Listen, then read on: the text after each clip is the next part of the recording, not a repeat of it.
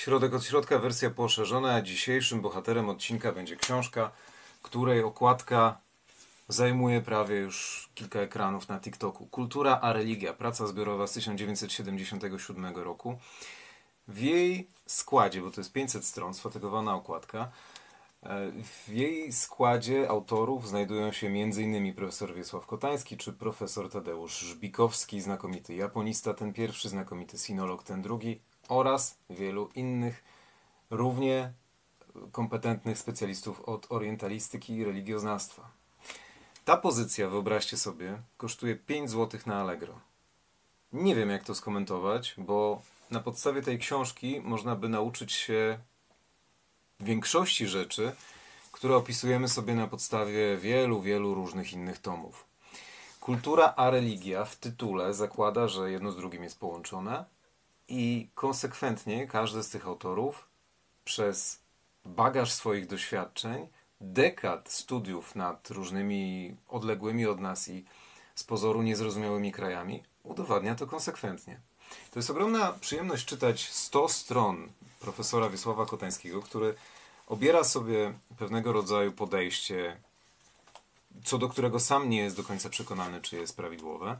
Dzieli e, epokę rozumienia Japonii na, czy w ogóle ten czas opowiadania o Japonii na cztery części. Każdy z nich na cztery proponowane przez siebie metody podziału i opisuje. Opisuje nawet zaczynając w taki sposób, uwagi wstępne, tutaj jest ten dział, który zaczyna się o Japonii, jakbyście nie wierzyli, kultura japońska, jedna strona dalej, uwagi wstępne. I tutaj profesor Kotański zaczyna bardzo żartobliwie, gdy się mówi w starej znanej anegdocie o dziele zatytułowanym Słoń, a sprawa Polska, w cudzysłowie, nie jest bynajmniej obojętne ustawienie członów wyrazowych wewnątrz cudzysłowu. Przekręcenie tego tytułu na sprawa Polska, a Słoń byłoby zdaniem autora typowym, znowu cudzysłów, zarżnięciem kawału. Jeżeli nie wiecie, jak zacząć czasem, jeżeli macie do napisania jakąś pracę, no to po przeczytaniu takich fragmentów można nie mieć e, żadnych wątpliwości, jak zacząć. Można zacząć w sposób dowolny. Treść broni się no, pod każdym względem. Jeżeli mamy coś do przekazania, to początek może być nawet od jakiegoś z pozoru nawet mało czytelnego żartu. Ponieważ e, kultura a religia łączą się wielokrotnie, na przykładzie Japonii ta podróż jest znakomita na początek. Rozmawiamy wiele razy tutaj na kanale o Japonii. Przygotowałem kilka cytatów. Na początek Strona 124. Buddyzm i shintoizm, rdzenne wierzenia japońskie, uważa się jako te, które podzieliły sobie życie człowieka i różnego rodzaju czynności związane z, wynikające z życia na części. Shinto zajmuje się narodzinami, buddyzm śmiercią, buddyzm jest od spraw smutnych, Shinto lubi się cieszyć, towarzyszyć wtedy, kiedy życiu towarzyszy, kiedy w życiu pojawia się radość. Ale dlaczego? Powód jest prozaiczny.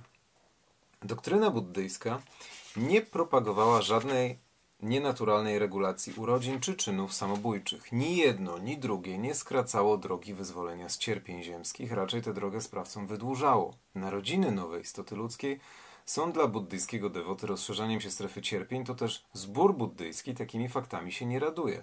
No to po co komu z buddystów ze świata buddyzmu interesować się, być obecnym przy narodzinach. Mnichów buddyjskich powoływano wprawdzie początkowo na przykład na dwór dla odprawiania modłów w intencji szczęśliwego połogu, a raczej dla odganiania złych duchów od matki i dziecka. Z czasem jednak pozostawiono wszelkie ceremoniały związane z urodzinami dzieci obrzędowi sintoistycznemu, który nadzwyczaj przychylnie się do spraw reprodukcji życia odnosi.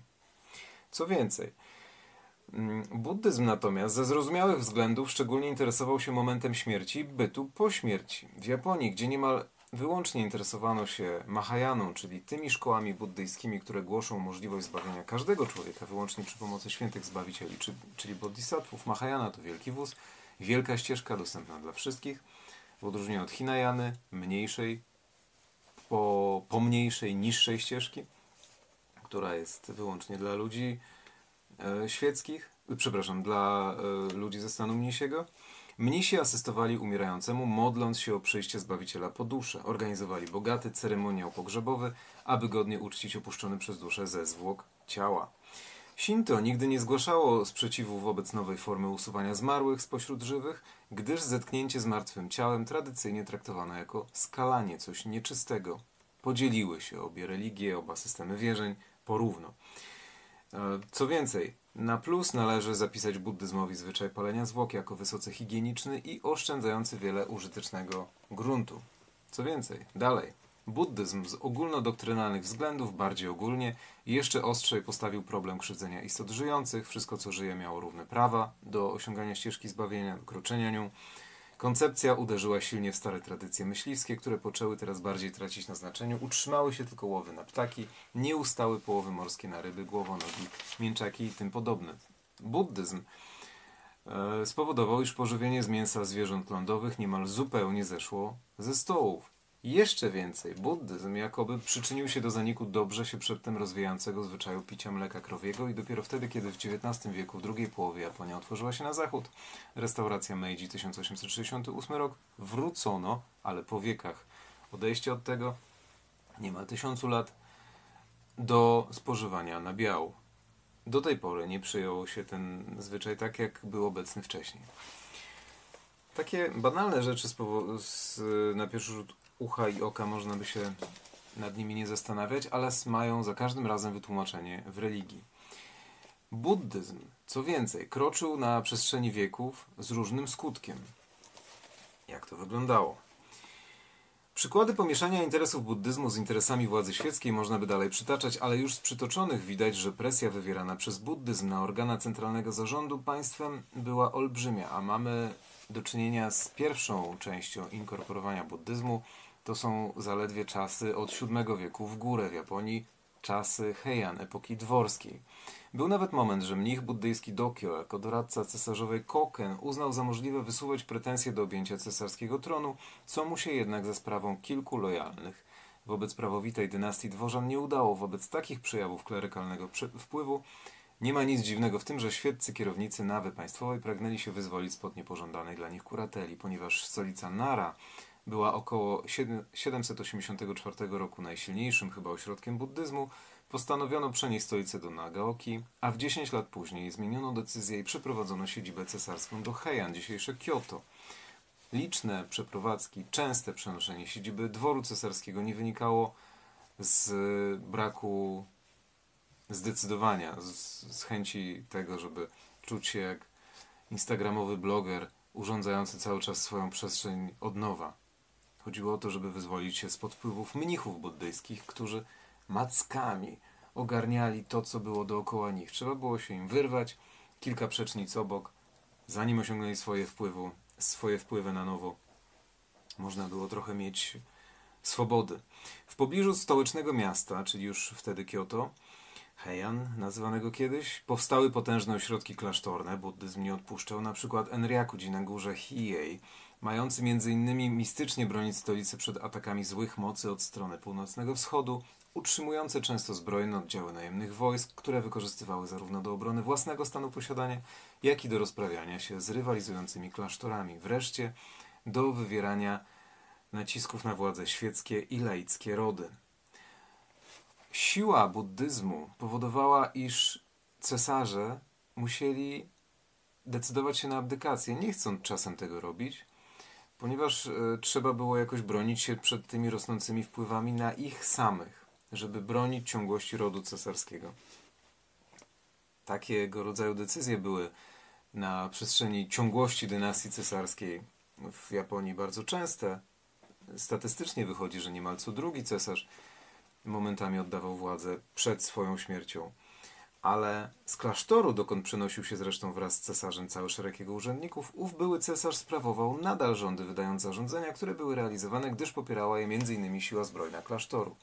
Nazywano taką swoistą formę rządów insei, rządy z klasztoru.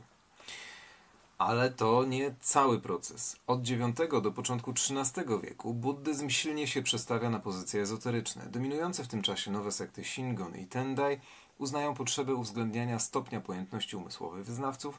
Na początku uprzystępnia się im rzeczy łatwiejsze, po czym kolejno przechodzi do coraz trudniejszych.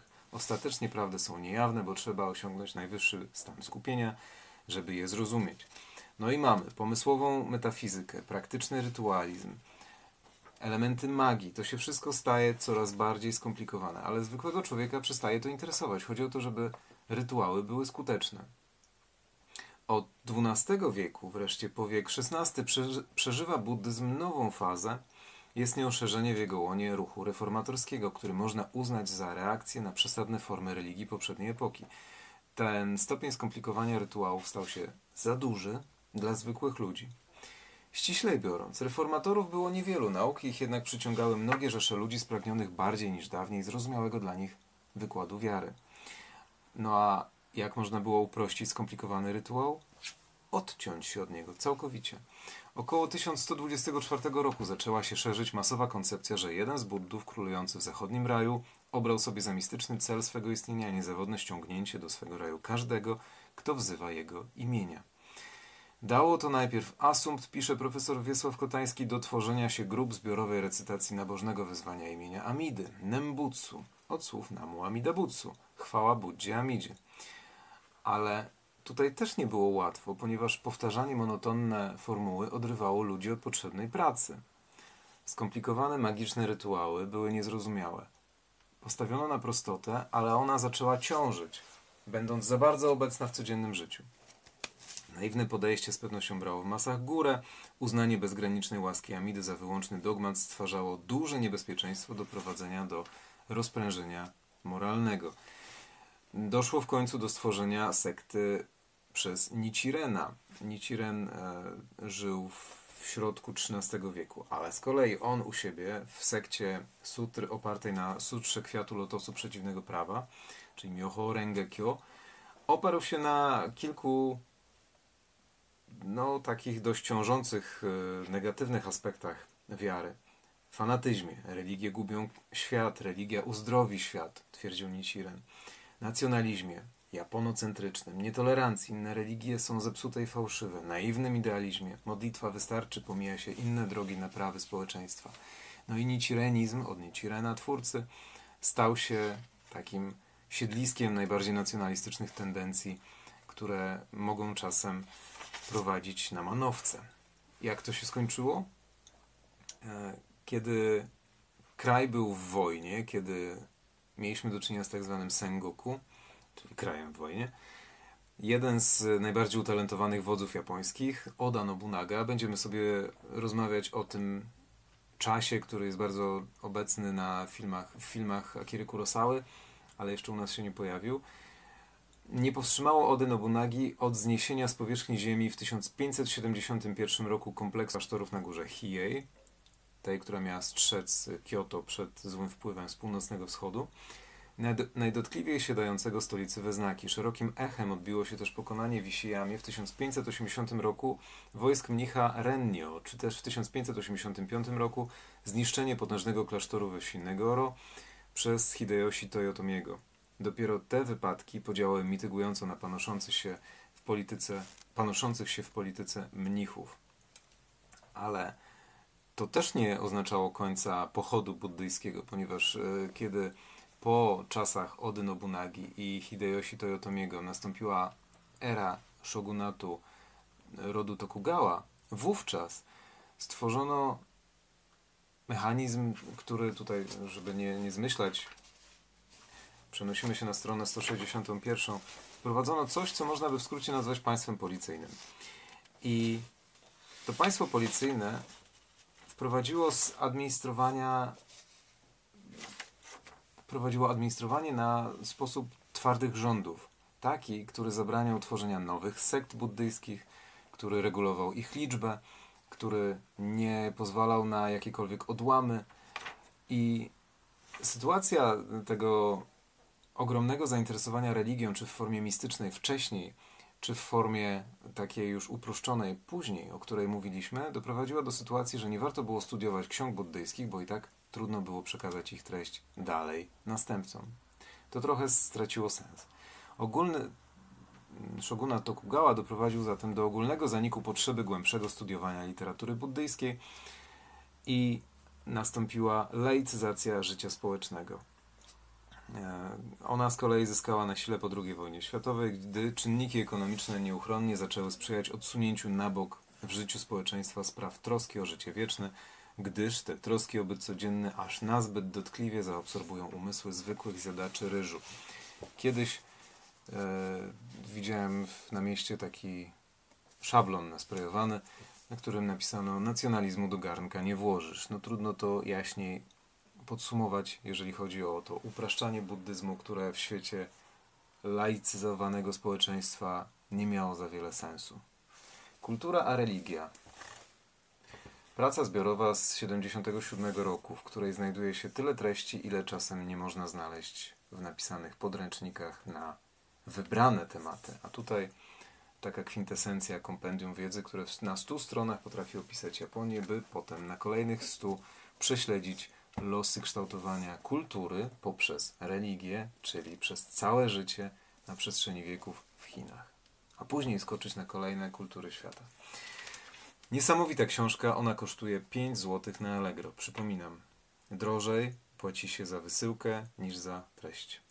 Okładka sfatygowana, treść cały czas aktualna.